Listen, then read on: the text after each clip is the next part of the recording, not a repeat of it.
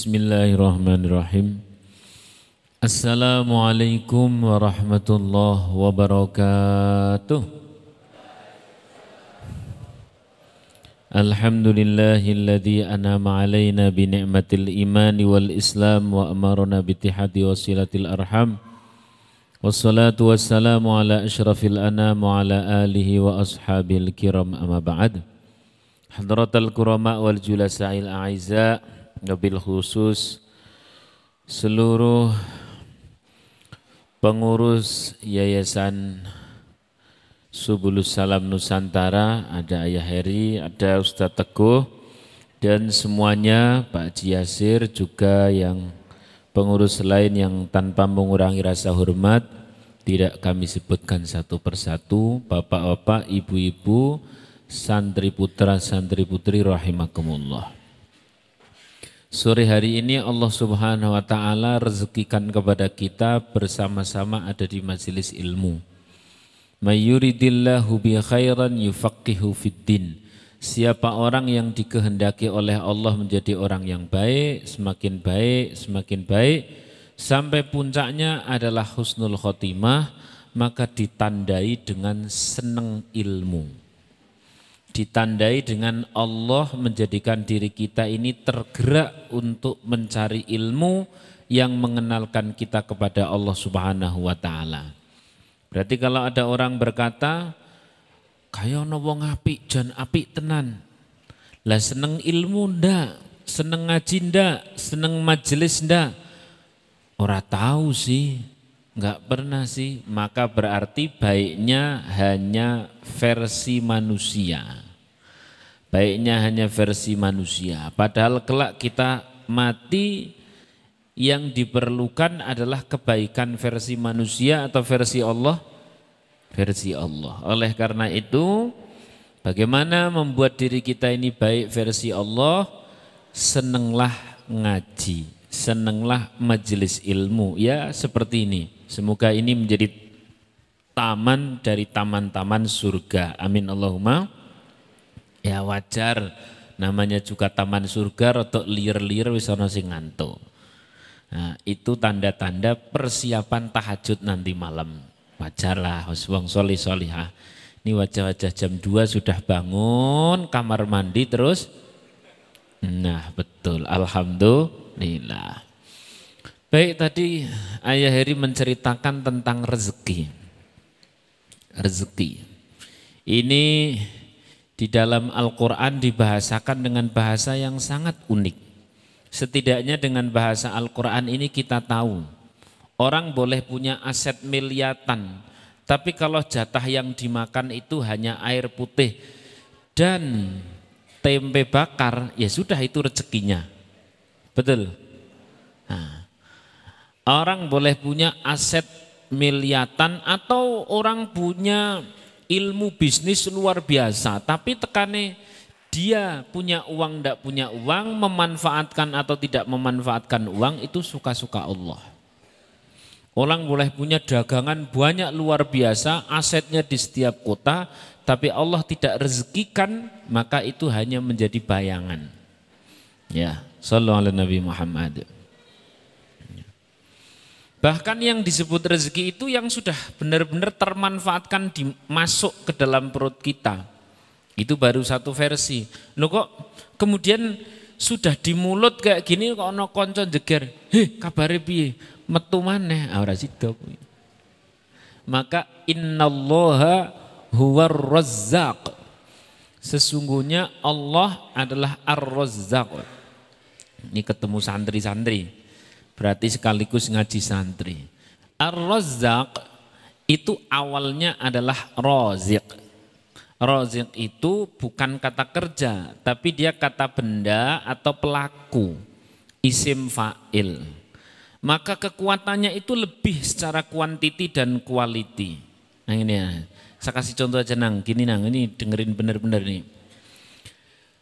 Penyanyi sama orang yang bernyanyi itu kualitas nyanyiannya bagus mana? Penyanyi. Kenapa?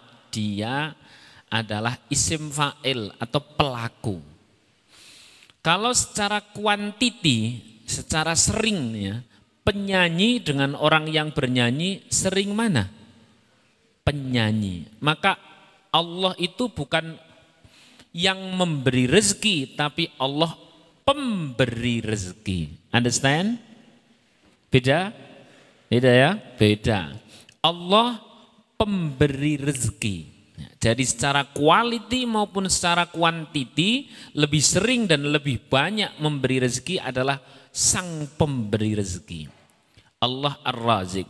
Kemudian Ar-Razik ini diubah menjadi dari wazan fa'il menjadi fa'al yang kalau dalam balaghah disebutnya sigot mubalaghah.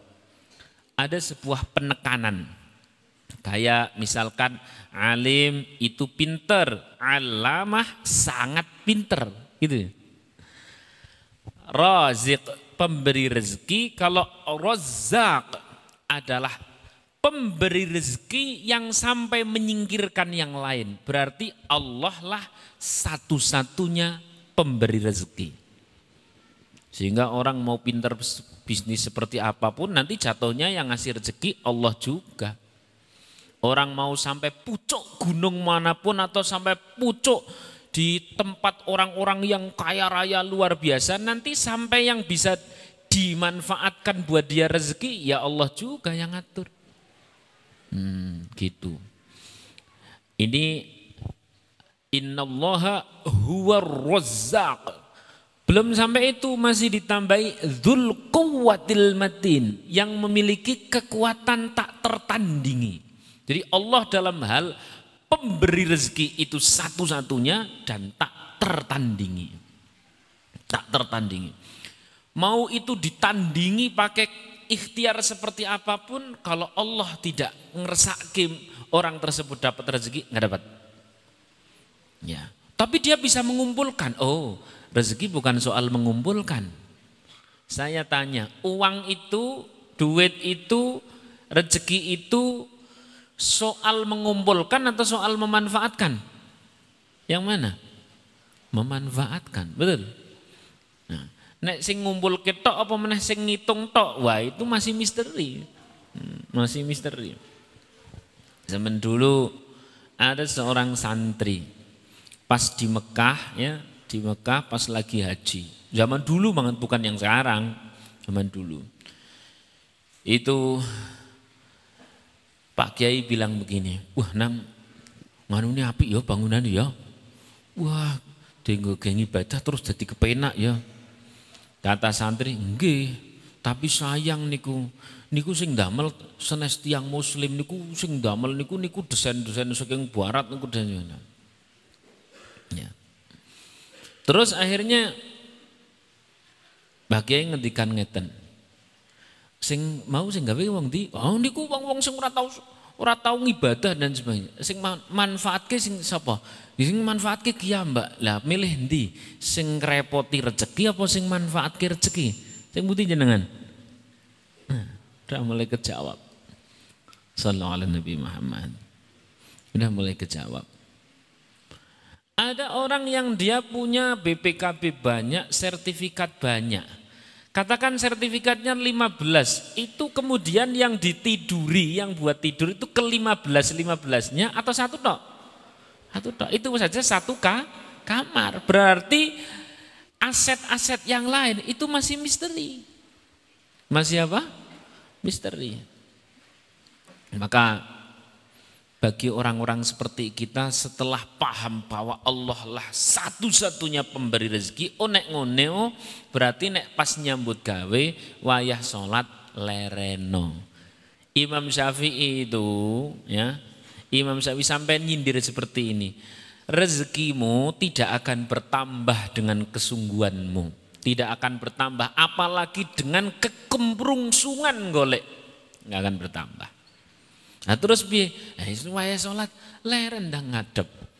Karena bagi orang mukmin rezeki itu adalah sebenarnya mencari rezeki adalah proses mendekat kepada Sang Maha satu-satunya pemberi rezeki. Dari situlah terus ono sing ngomong mana?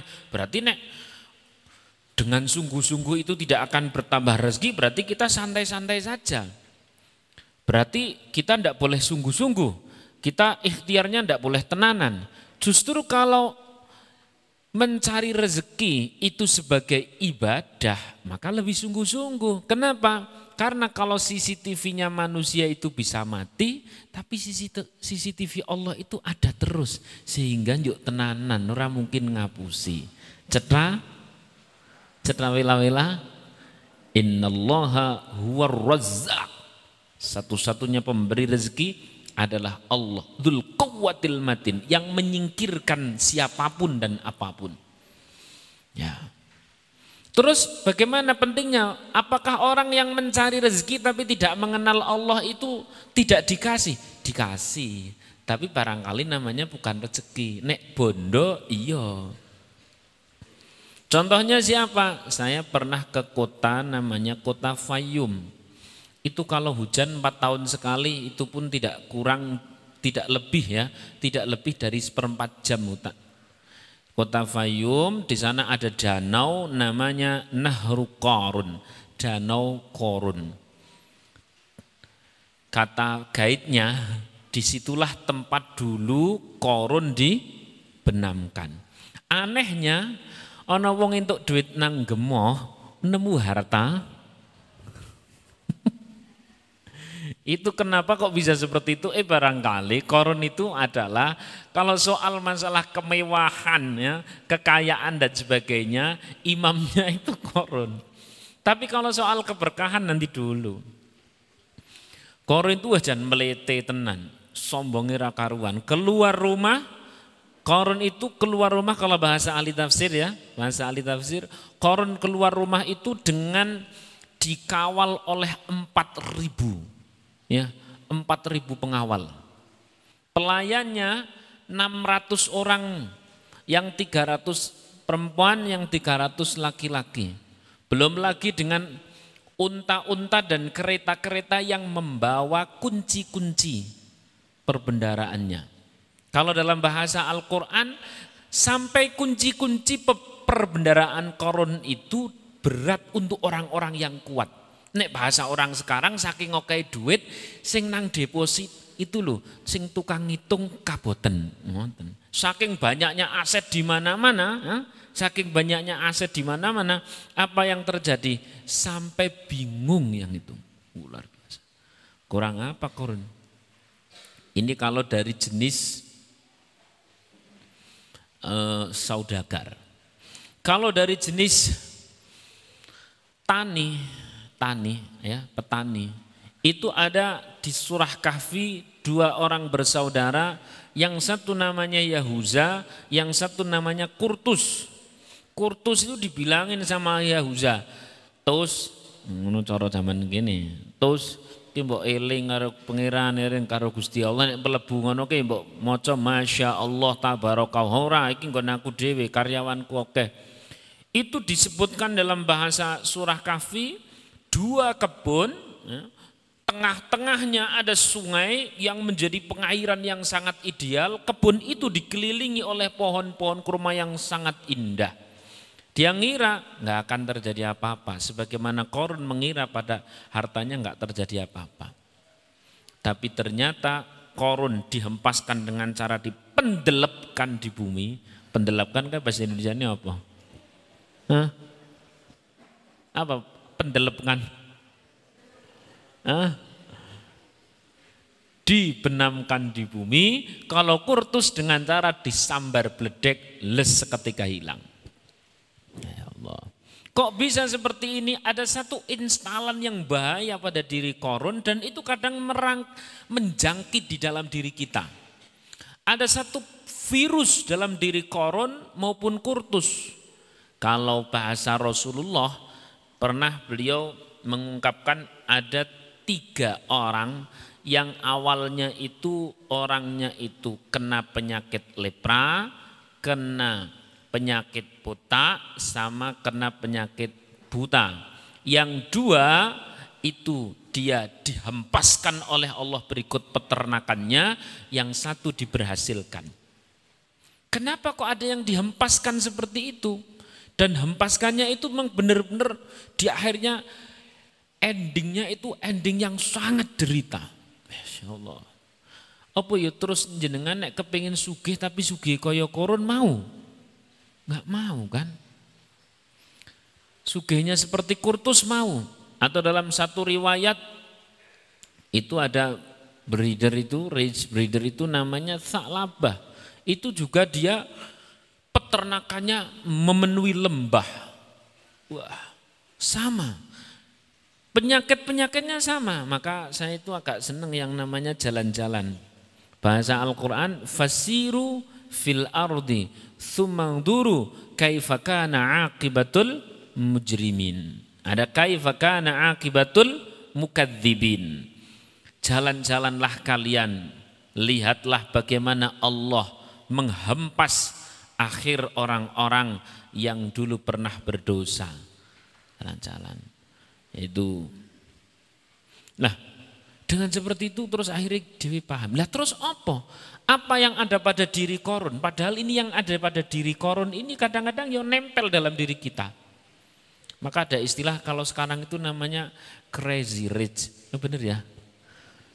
Awalnya membuat decak kagum tonggo-tonggo nih dan sebagainya jebul-jebuli akhirnya dia pakai ketangkep kan?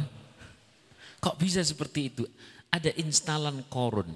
Saya khawatir dewe wes sugih ora instalan di dalam diri kita korun. Waduh repot. Ya ya rada mending nek sugih ana sing dipendelepkan. Lah iki dipendelepkan ya omah elek dipendelepkan piye berita Nah, apa instalan yang ada pada korun, kurtus, dua orang yang dikisahkan oleh Rasulullah, Sa'labah dan masih sekian banyak orang, termasuk Fir'aun. Hmm. Itu instalannya nggak jauh-jauh dari apa ucapan korun. Korun mengatakan, Innama utituhu ala ilmin indi. Aku mendapatkan semuanya ini karena memang ini adalah prestasiku timku, marketingku, disiplinku, jerih payahku, keringetku, usahaku, banting tulangku, pabrikku, wong tuwoku, apa boleh? Kukuku yang dari keakuan seret berubah menjadi keangkuhan langsung dihempas oleh Allah. Naudzubillahimin. Nah, terus pun carane? Ya Nek cara kula sih sing penting bondo niku berkah. Gitu. Dene kathah mboten napa-napa. Setuju mboten jenengan?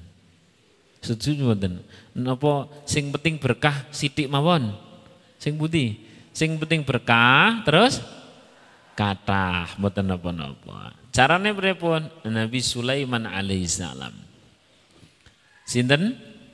Nabi Sulaiman alaihi salam. Nabi Sulaiman alaihi salam itu sangat berbalik jauh dari korun antara kutub barat, eh, kutub utara, kutub selatan. Nabi Sulaiman itu kalau masalah kekayaannya tidak usah diragukan. Mung saya tak tanya sama panjenengan jujur-jujuran mawon. Kaya kekayaan Nabi Sulaiman itu ujian. Ya, para nabi. Juga ada nabi yang diuji dengan kefakiran. Salah satu episode yang ada pada Nabi Ayub pernah beliau miskin, fakir dan sebagainya. Sama-sama ujian Pak, jenengan jawab sing seru nggih. Sama-sama diuji, pengen diuji miskin apa diuji suge? Panjen uri anon jenengan. Diuji miskin apa diuji suge? Suge tetep Pak. Padahal nek diuji miskin kuat, nek diuji suge.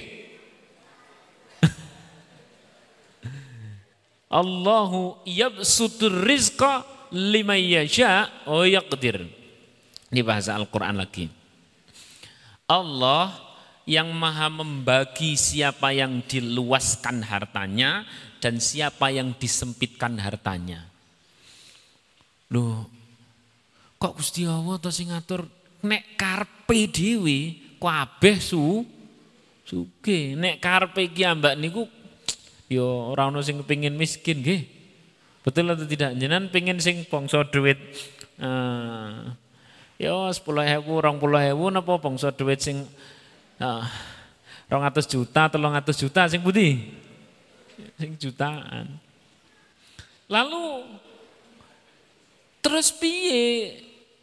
Allah yang ngatur itu berdasarkan apa gini Pak? Bu, semua yang hadir di sini.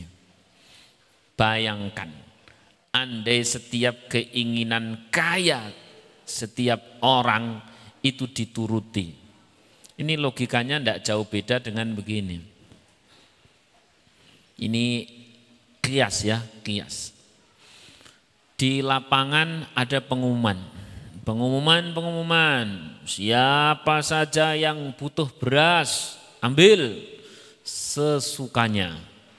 Siapa yang saja butuh uang, bawa sekehendak masing-masing. Siapa yang saja yang butuh emas, intan, perhiasan, sertifikat, BPKB, komplit ambil suka-suka hati masing-masing.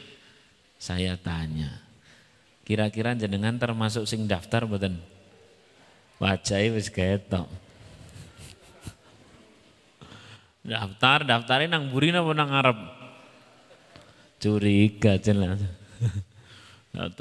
Bayangkan ketika setiap orang itu bisa mengatur rezekinya sendiri, membagi pembagian bukan pada Allah tapi untuk diri sendiri. Maka di lapangan itu katakan wis wong sak temanggung wis sak desa mon. Orang satu desa berkumpul di situ untuk mengambil sesuai kemauan sendiri, bukan sesuai kehendak yang mengatur, tapi sesuai kemauan sendiri. Saya tanya, kira-kira di jalan ada orang semaput dak? Banyak. Ana wong tua wis ingkri-ingkri rumangsane aku wis njeguk sing akeh. Tekan dalan yo semaput ana sing pingsan, ana sing mati nang dalan. Betul atau tidak? Kenapa seperti itu? Karena itulah kita kita hanya tahu kemauan kita, tapi tidak tahu kapasitas kita. Sing Pak Ustad kapasitas ki apa kuwi orang Temanggung ora ono bahasa kapasitas. Ah, angel, angel. Karena setiap kita hanya tahu kemauan kita, tidak tahu kemampuan kita. Understand? Lalu siapa yang tahu kapasitas kita? Siapa yang tahu kemampuan kita? Melebihi diri kita sendiri, dia Allahu Razzaq. Dialah Allah yang maha tahu melebihi pengetahuan diri kita sendiri. Dialah yang menciptakan kita. Gusti Allah wis paham, wis ngerti setiap kemampuan kita masing-masing. Saya kasih contoh nek jenengan ora percaya. Santri, santri, santri. Sing kena tak contoh santri siapa? Ya, ya ini Mas. Itu yang pakai peci itu loh. Ya, pakai peci batik itu ya. Nah, ah, yes. model bupati. Hmm. Eh. Siapa Mas namanya Mas? Mas? Mas siapa? Bilal. Oke Mas Bilal. Baik Mas Bilal. Santri sini ya. Alhamdulillahirabbil alamin. Bayangkan andai Mas Bilal ini diberikan rezeki maaf lebih tepatnya harta melebihi kapasitasnya. Misalkan Mas Bilal itu bukan anak dari orang tuanya, tapi Mas Bilal itu anaknya Donald Trump umumnya. Kira-kira jam semini lagi ngaji apa lagi jeng-jeng? Jeng-jeng jelas. Maka Allah tahu wes lah kowe anak wong temanggung kowe pen gelem salat. Jajal nih anake Bill Gates ngono ya saiki lagi jeng lagi uh, ngaji apa lagi jeng-jeng? Lagi ceng ceng. Nah, Masya. Maka sudahlah Allah yang paling tahu kapasitas kita masing-masing. Understand? Cetra? Nah, maka proses mencari rezeki sebenarnya proses mendekat kepada sang pemberi rezeki. Sallallahu Nabi Muhammad. Termasuk rezeki bernama air putih ini mubadir kalau didiamkan. Alhamdulillah. Bismillahirrahmanirrahim. Ini biar jenengan itu mantep gitu loh nek sing ngatur rezeki niku sinten? Gusti Allah. Dan Allah sudah tahu kemampuan kita masing-masing. Ya. Sekarang saya akan negesi lagi.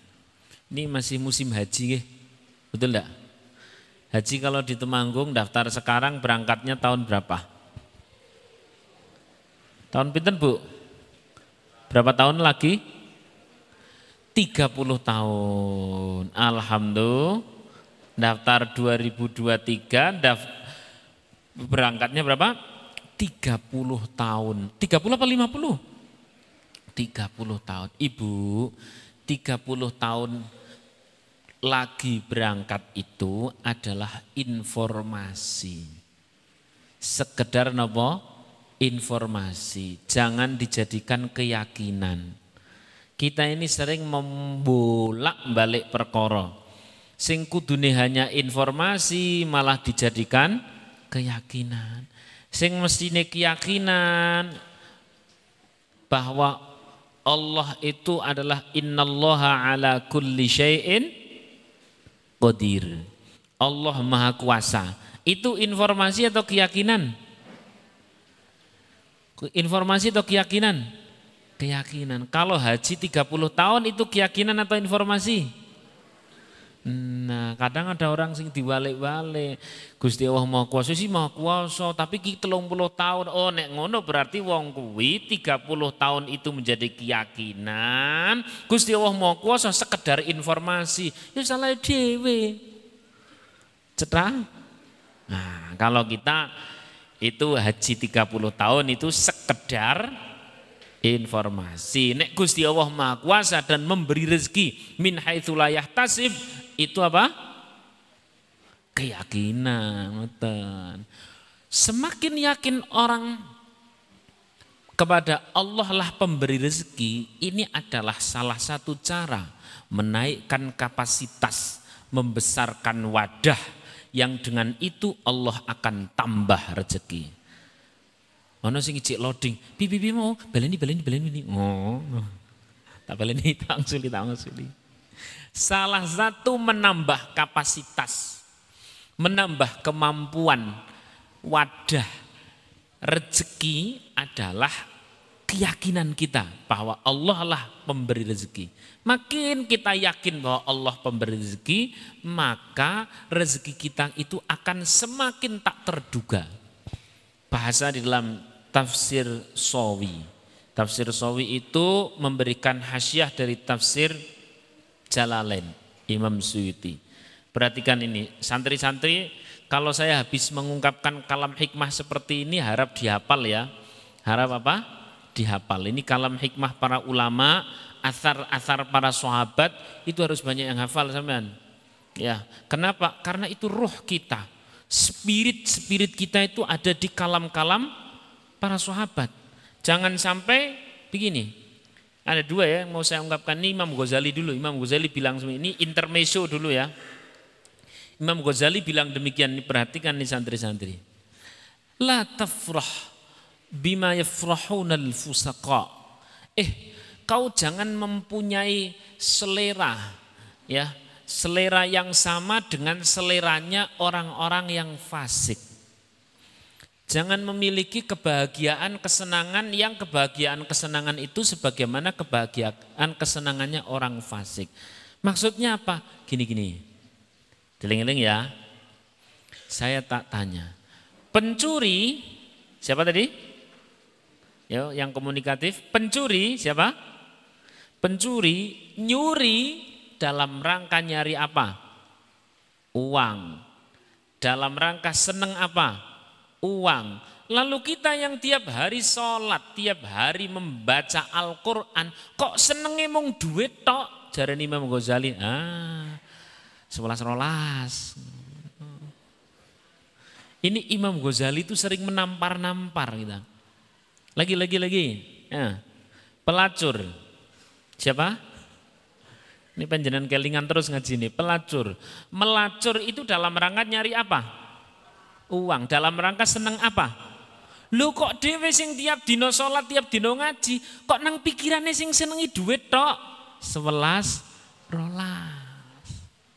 Hah, Imam Ghazali ora mung jewer ngamplengi nih ini. Iya ya, berarti aku ora beda janjane ya. Oh, Coba udah belum kalamnya Imam Ghazali tadi itu? belum ya. Ini kalau yang nomor dua. Sekarang masuk tentang rezeki. Masuk tentang rezeki. Aballah ini dalam tafsir sawi. Aballah ayyarzukal mu'min illa min haitsu la yahtasib. Allah ini enggan, ndak mau wegah apa nek cara kene napa? Hemoh. Nah, itu ya. Ndak mau ngasih rezeki orang mukmin kecuali rezeki itu min haitsu la yahtasib. Kecuali rezeki itu tak terduga-duga. Berarti semakin orang mukmin rezekinya semakin tak terduga duga. Semakin orang tidak mukmin keyakinannya pada Allah ini berkurang, dia yakin pada tanggal awal bulan, maka rezekinya kui-kui tok. Understand? Kui kadang tengah bulan wis entek. Akhir bulan wis kudu napa? Tang, oh sing fasih banget dari muni utang kok. Ya ulangi ya. Eh, nih santri-santri, apa lain ini? Allah ayyarzuqallahul mu'min illa min haitsu la yahtasib. Allah enggan, Allah tidak mau ngasih orang-orang mukmin rezeki kecuali rezeki itu min haitsu la yahtasib. Tak terduga-duga. Berarti semakin orang yakin banget nek Gusti Allah sing rezeki, kadang-kadang dia memang jualannya ndak laris, tapi balik tekan ngomah untuk sarut tangan Kadang-kadang memang dia jualannya ndak laris, tapi pulang-pulang sampai pondok, loh kok ngerti anak-anak wis hafal Quran. Kadang-kadang memang jualannya ndak laris, tapi loh kok ngerti ono sing bangun ke umai. Kadang-kadang memang jualannya ndak laris, loh kok entuk warisan gede men. Kadang-kadang memang jualannya ndak laris, loh kok ternyata wingi aku mau model dodol kecap tok ngomong sidik tok, loh kok entuk fee, tahu fee ya? Fee, tahu fee. Apa itu? Pecingan. Gede men kena gawe kaji. Min haitsu la yahtasib. Min haitsu la yahtasib itu mengandung lima hal. Tidak terduga-duga. Lewat siapa? Tidak terduga-duga betapa banyaknya. Tidak terduga-duga betapa besarnya. Tidak terduga-duga berupa apa? Tidak terduga-duga waktunya. Baleni. Baleni. Lalu isan. Wis Aduh, ya Allah. Min haitsu la. Arahnya itu loh, tanda tahu. Masya Allah. Saya kasih contoh. Ini kan lagi musim haji ya. Ada seorang syekh namanya uh, Hatim Al-Asam. Si Hatim Al-Asam itu biasa mengedukasi yel-yel kepada keluarganya terutama kepada putra-putrinya.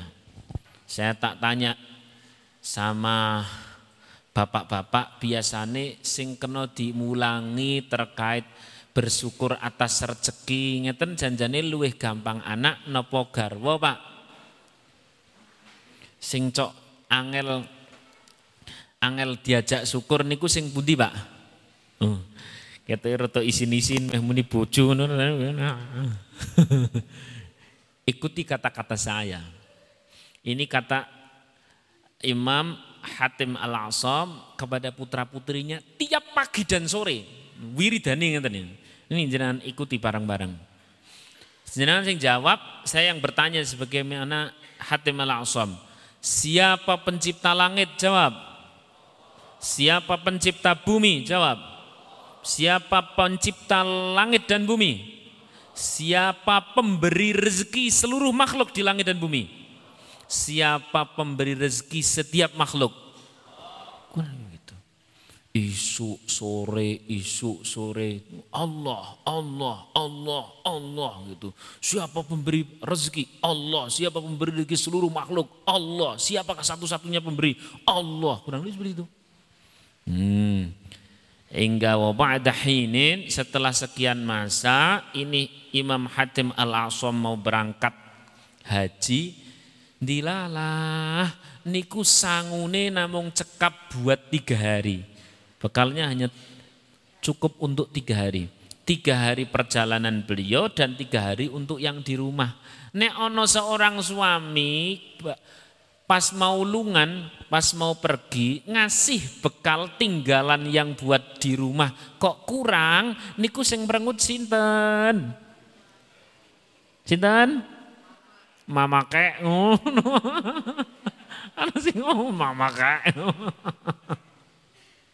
Nih perhatikan bener-bener nih Semoga ngaji ini jenengan eling terus sampai kiamat kurang telung dino. eling terus. Bener. Berangkat akhirnya cuman ninggali bahan makanan yang sekitar untuk tiga hari set berangkat tetap tetap nekat berangkat. Begitu nekat berangkat betul setelah tiga hari habis itu bahan makanan. Bingung makan dari mana tapi yang namanya keyakinan itu ajaib kok. Saya sudah berulang kali sampaikan di sini kalau masalah keyakinan. Asli keyakinan itu ajaib. Zaman kita dulu masih SD, jadi SD apa SR? SD ya, dolanan layangan ada seorang temen kebelet eh, eh. terus kemudian koncone jiku ono po, watu lebok keming di kantong. Itu saja langsung berubah kok. Hah? Anatomi tubuh, Hah? psikologis bro. Maka keyakinan itu ajaib itu pada saat setelah selesai tiga hari kehabisan uang, itu ibu e ngomong kong ini, ibu anak-anak. Kalau ayahmu lungan orang ngai duit sidik tok telung dino rezeki ini terus kok ngendi nek kok ngene iki. Itu anak-anak langsung bilang seperti ini. Ibu, ini jawab ya, siapa pencipta langit? Seru. siapa pencipta langit? Siapa pencipta bumi? Siapa pencipta seluruh isi langit dan bumi? Siapa pemberi rezeki seluruh makhluk? Cara ibu eh, yo yo.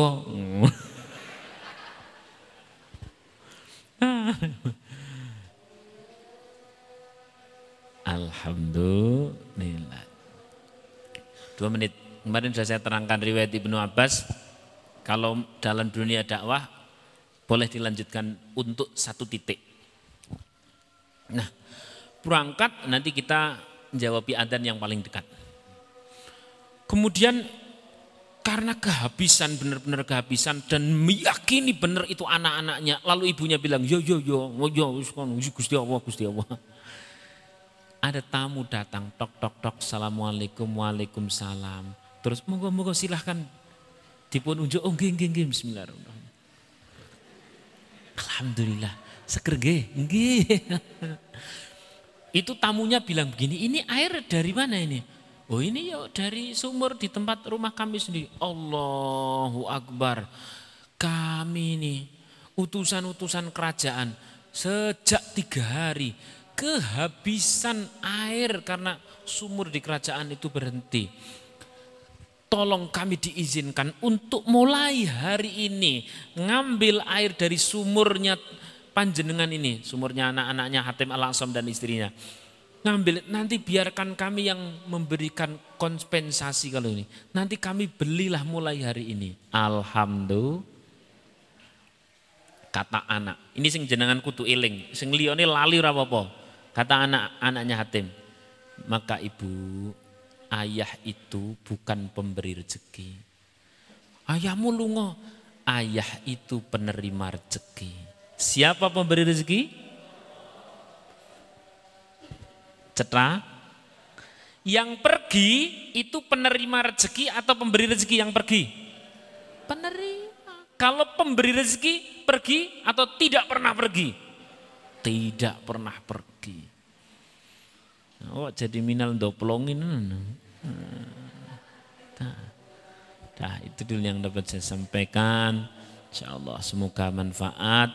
Sementara Hatim sendiri di tengah perjalanan juga dilalah dia bisa mengobati orang sakit, ketua sukunya kurang lebih seperti itu sehingga ketua sukunya itu yang mendanai haji setelah tiga hari sampai pulang.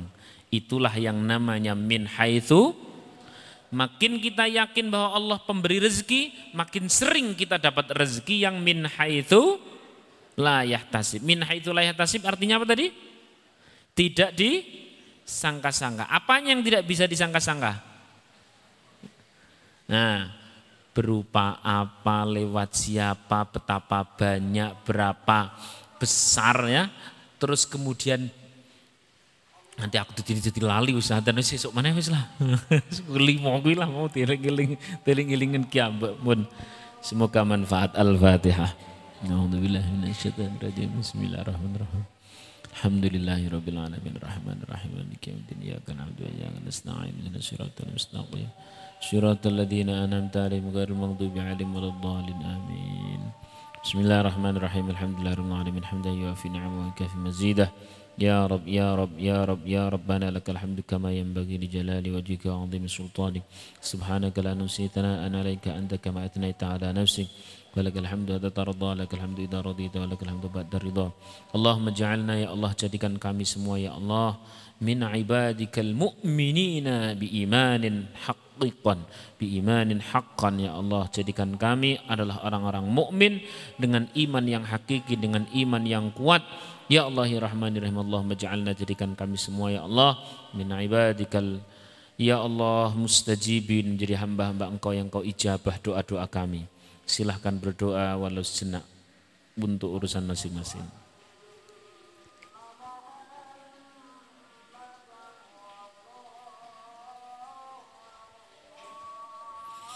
ربنا آتنا في الدنيا حسنة وفي الآخرة حسنة وقنا عذاب النار.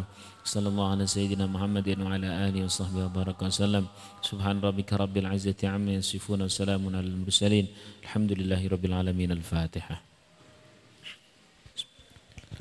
الرحمن الرحيم. يوم الدين؟ إياك نعبد وإياك نستعين. اهدنا الصراط المستقيم. صراط الذين أنعمت عليهم غير المغضوب عليهم ولا الضالين. آمين. Kurang lebihnya mohon maaf. Assalamualaikum warahmatullahi wabarakatuh.